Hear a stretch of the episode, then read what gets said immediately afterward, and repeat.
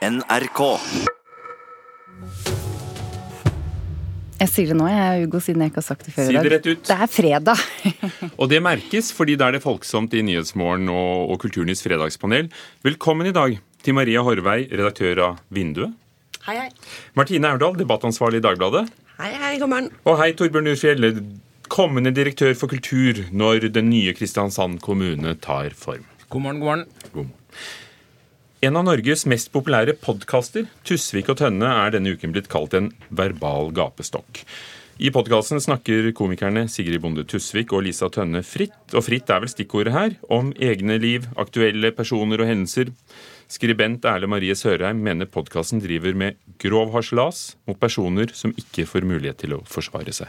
Og skal de kunne si absolutt hva de vil? Hvis man blir skyldt for en ting i en podkast, altså ingen får jo mulighet til å svare for seg engang. Er ikke det etter hvert, hvis dette blir mer og mer utbredt, et offentlig et problem? Erle Marie Sørheim, skal man kunne si hva som helst i en podkast, og vi begynner som alltid med et ja eller nei? Ja. Marie Horvei? Nei. Nei. Ja, jeg sa jo ja. Da er det jeg som skal begynne her. Sånn for er Ja, ikke sant? Det var i mindretall. Så får vi se om vi diskuterer oss fram til enighet. Vi vet ikke om mindretallet alltid har rett, men Nei da. Men eh, det er jo ikke åpenbart eh, heller med en podkast. men det som jeg syns er testcasen på det, er jo om det er redaktørstyrt eller ikke. Og for meg så er denne podkasten og mange andre podkaster det er omtrent som å, om å snakke med veldig høy utestemme. Eh, nesten som eh, at vi sitter og velger sjøl og, og lytter på en kafébordsamtale eh, hos noen som sitter og, og har en, en prat. De har jo selvfølgelig en plan med det de holder på. De er jo tydelige politiske personer, men de representerer ikke noe annet enn seg sjøl. De representerer ikke noen redaksjon, de representerer ikke noe parti, og dermed mener jeg at de har stor frihet. Og så er det lovverket som må regulere hva de skal ha lov til å si, og ikke noen, vi trenger ikke noen nye medieregler for å regulere den type podkast. Og så finnes det andre podkaster i Dagbladet og andre steder som kan være annerledes. For, for her sitter vi jo da med to redaktører, kommer jeg på nå, som jo da begge sier nei. Og, To redaktører er bedre enn ingen redaktører. Martine Aurdal, du, du, du sitter jo med å følge Vær varsom-plakaten. Er du bare litt misunnelig, kanskje? Eh, Jeg tror mye av grunnen til at eh, Tusvik og Tønne har eh, så mange lyttere, er jo nettopp fordi at det er litt sånn rølpete, og de sitter og eh, slenger ut av deg grove karakteristikker, og at det er noe av moroa. Men hadde de vært tilknytta Dagbladet eller eh, NRK, så hadde de jo eh, måttet vært underlagt eh, Vær varsom-plakaten. Og jeg syns jo det er ryddig at vi som eh, heier fram redaktørstyrte medier, eh, også følger de samme prinsippene uavhengig av plattform. Eh, og så kommer jo selvfølgelig injurielovgivningen og sånne ting eh, uansett inn og setter grenser også for de andre. Jeg syns jo bare rett og slett ikke at det er alltid så innmari gøy, jeg, med de helt groveste karakteristikkene. Eh, og det er jo kanskje det verste man kan si til Tønne og Tusvik etter den eh, runden med Komiprisen Da. men, eh, men til trøsten kan jo være at jeg ikke syns at mannlige komikere er så innmari mye bedre heller, da. For, for deg gikk debatten om Komiprisen overhodet ikke kunne finne noen morsomme kvinner til å få pris. Altså jeg må si, jeg synes Det er et veldig lågt ambisjonsnivå på liksom, den offentlige sfære sin, sine vegne hvis det bare er jurylovgivning og, og formell lovgivning som skal styre hva som er greit å si i det offentlige ordskiftet. Så Problemet med Tusvik og Tønne er jo at det er, sånn, altså, det er utrolig lite classy. Det er utrolig lite anstendig. Det er vanvittig mangel på stil, uh, syns jeg, å snakke eh, helt fritt eh, og usensurert, altså å snakke drit om andre personer eh, til et publikum på godt over 100 000, og snakke til et så stort publikum som om du sitter og snakker med venninna di eh, i et lukka rom. Og det, er en sånn, og det er en type nedriving av, et, eh, av eh, eh, anstendighet i den offentlige samtale som jeg ikke støtter, i alle fall. For det kafébordet ditt Torbjørn Urfjell, er jo blitt veldig stort etter hvert. da. 100 000 mennesker som sitter og, og lytter til samtalen på nabobordet. Jo, men det er jo vårt valg. Det, det, her må du virkelig skru på. Her må du leite det opp. Det er ikke Eh, de som blir omtalt sitt valg. Nei, men det, du som lytter må velge sjøl å, å høre på. Og de som, de som blir omtalt, det som jeg syns er interessant å, å, å, diskutere i eh, Tusvik og Tønne-casen, det er jo om de er villige til å stille opp i diskusjon med de det dreier seg om. For at her kjører du ut med veldig knallhard utestemme. Eh, Og jeg har lytta på disse podkastene og hører f.eks. Sigrid Bonde Tusvik som sier i det ene øyeblikk at ikke hun vil møte eh, Ropstad til debatt fordi han er statsråd og har ti taleskrivere som kan gjøre jobben for han. Og så vil hun heller ikke møte Sylvi Listhaug til debatt, for hun er ikke lenger statsråd. Så jeg syns jo det er inkonsekvent, men da må man på en måte ta den diskusjonen. Jeg opplever nå plutselig å sitte mellom to litt kontrollfriker som har tenkt å regulere Jo, dette- eh, dette snakker- på samme måte som Nå snakker du regulerer om de sitt eget medier. politikerne de tar, og at de er politisk uenige, men dette er jo også snakk om privatpersoner, eh, da de henger ut med grove personkastriker. Altså privatpersoner som de opplever at ikke eh, Som har gjort noe galt, eller som de ikke er fornøyd med, eller som de ikke syns, eh, syns har gjort noe bra. Men vi kan Eh, være enige om at det er slemme sånn- jenter. Det er jo, grunn, altså det er jo akkurat derfor folk hører på nå, da. Ja, Fordi det det er to damer som sitter, og de er fly forbanna, og de har primalskrik, og det er jo litt Det syns jeg også. Det er litt deilig å høre noen er skikkelig forbanna og skrike ut over kafébordet. Men jeg ser det der i veldig klar sammenheng med den eh, tendensen vi har i det offentlige ordskiftet nå, at i stedet for å rette sinnet sitt mot eh, strukturer og mot urettferdige eh, eh, fenomen, eh, så lar en sinnet gå utover enkeltpersoner. Og da ser du jo i kjølvannet av eh, Tusvik og Tønne, så har de hatt flere runder der eh, enkeltpersoner har blitt hetsa av deres lytterskare. Og det er en sånn eh, De bygger opp under en sånn Men er det deres ansvar? i- det, de er selvsagt med på det når de er en så stor stemme. De har kjempemange lyttere.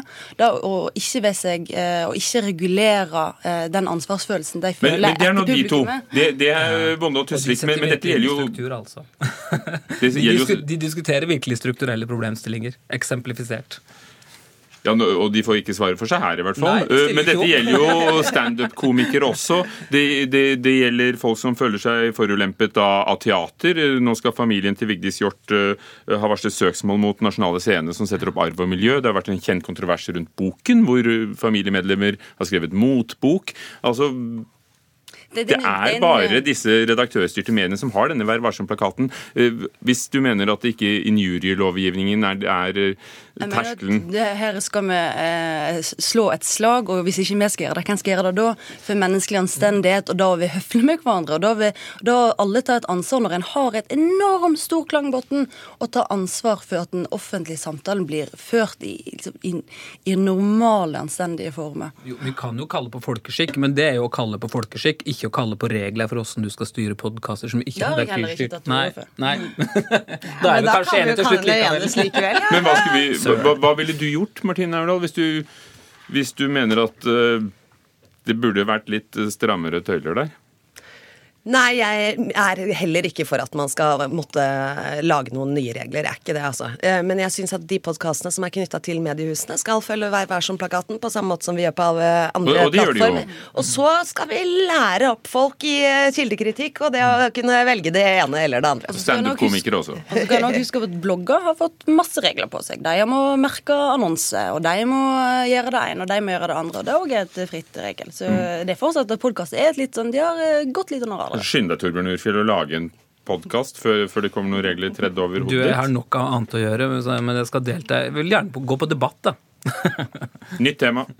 Mange har fått et helt nytt syn på gaming denne uken, for de har fått med seg historien om Mats, som eh, NRK hadde på nettsidene sine, som ved siden av å være sterkt funksjonshemmet, levde et liv som lord Ibelin Redmore på dataspillet World of Warcraft. Da Mats døde, oppdaget foreldrene at han hadde fått mange venner fra hele Europa gjennom spillet, og mange av dem kom også i begravelsen til Mats. Faren, Robert Steen, tror denne artikkelen har fått mange til å åpne øynene. Det har vært eh, mødre og fedre som har sagt at eh, jeg har i veldig stor utstrekning moralisert eh, og fordømt dataspillingen til mine unge. Nå skal jeg nok i større utstrekning prøve å forstå den og lære hva dette egentlig er. Er gamingvenner like gode venner som venner av kjøtt og blod? Nei. Ja. Ja, ja. For det er en ganske Det er en veldig fin historie. En nydelig historie. Absolutt. Det er En nydelig historie. Eh, og eh, jeg ble rørt av den, som jeg tror eh, de aller fleste som las den, ble rørt av den. Jeg har ikke sjøl hatt digitale vennskap i stor utstrekning, så jeg kan jo ikke akkurat eh, uttale meg på det grunnlaget.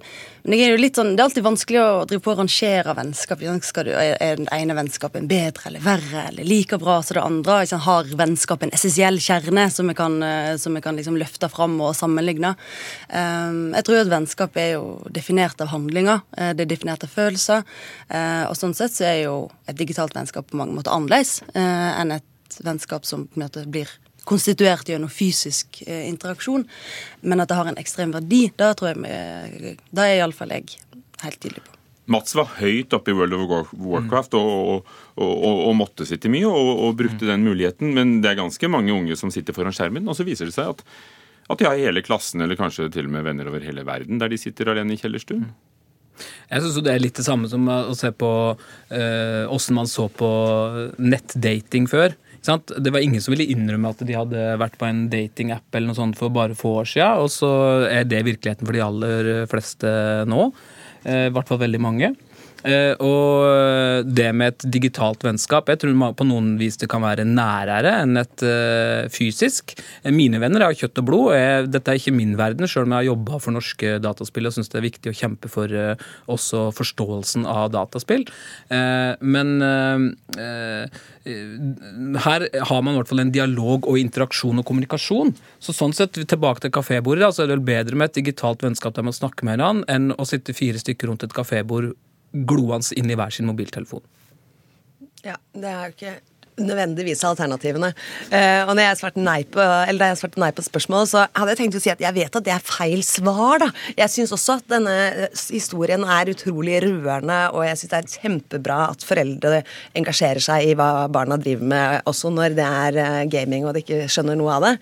Men uh, jeg som er en av de som ikke noen gang skjønner noe av det, syns jo også det som blir vektlagt her, er jo verdien av når det går over fra å være ren gaming. ikke mm. sant? Det er jo når man går over til å snakke om personlige ting. Det er det at de kommer i Mats sin begravelse mm. i uh, IRL uh, og viser at de også er mennesker av kjøtt og blod. Da får det selvfølgelig en verdi som alle andre vennskap, helt uavhengig av hvordan man møttes. Men det er jo den begravelsen som gir verdien for, for folk rundt Mats. Åssen ja. eh, Mats opplevde det, det kan vi jo ikke nødvendigvis vite så veldig mye om.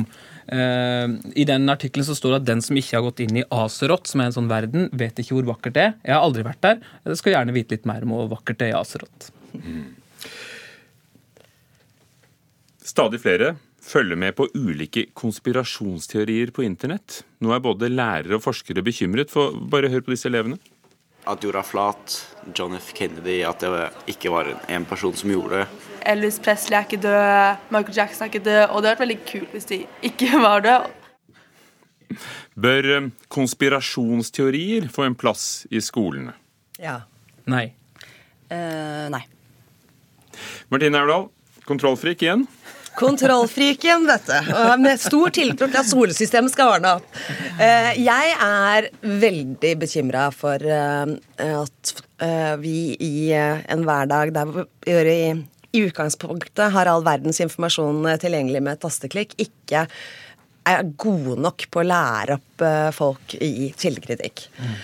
Og hvis ikke vi snakke med elevene om dette, eh, men sender dem ut for å google til skoleoppgaver. Hvordan i alle dager skal de vite hva som er riktig og ikke riktig? De må selvfølgelig da kunne stole på de redaktørstyrte mediene og lære forskjell på eh, blogger og, og aviser, men det er kjempeviktig å snakke masse om dette i skolen.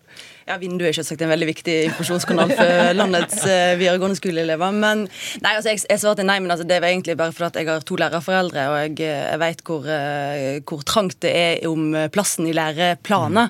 Mm. så de der stadig sånn rop om at nå må ting komme på plass i læreplanen, det har ingen sånn, mag, sånn ryggmarg margsrefleks mot. Men når det er sagt, er jo selvsagt bør dette komme inn eh, i måten en underviser kildekritikk i skolen på. Helt klart eh, at eh, det er bekymringsverdig hvis unge, eh, oppegående mennesker som bruker mye tid eh, til informasjonsinnhenting på, på eh, internett, ikke kan, ikke, kan, skille ut disse kunnskapsminister Kunnskapsminister Jan Store Sanner vil nemlig ha mer kildekritikk i skolen, men, mm. men voksne kunne kanskje få en dag på skolebenken? Absolutt. Men jeg er egentlig ikke så veldig bekymra for at ikke unger eh, lærer noe med kildekritikk. For jeg opplever at egentlig det er utrolig mye kritisk tenkning ute og går. Og, og dette med å ha hang til konspirasjonsteorier er kanskje overdreven tro på, på, kritikk. Så det som jeg syns eh, kanskje er vel så viktig, det er jo at unger lærer seg til å gjenkjenne noe som sant. Å akseptere at eh, det som er kunnskapsbasert og godt forklart, òg kan defineres som sant. For det synes jeg, sannheten synes jeg faktisk har litt eh, dårlig kår om dagen. Ja. Eh, det er vel egentlig litt andre ord på det samme, tror jeg. Men jeg, jeg er redd for faktisk at jeg tror uh, utbredelsen av disse konspirasjonsteoriene brer om seg, og vi bør møte dem med full kraft. Det er helt sant. IRL, in real life, at klokken straks er 8.30. At dere sitter her i Nyhetsmorgen. Maria Horvei, Martine Aurdal og Torbjørn Urfjell, som utgjorde Kulturnytts fredagspanel. Det er ikke over med det. Vi holder på frem til klokken ni i NRK P2 og Alltid nyheter.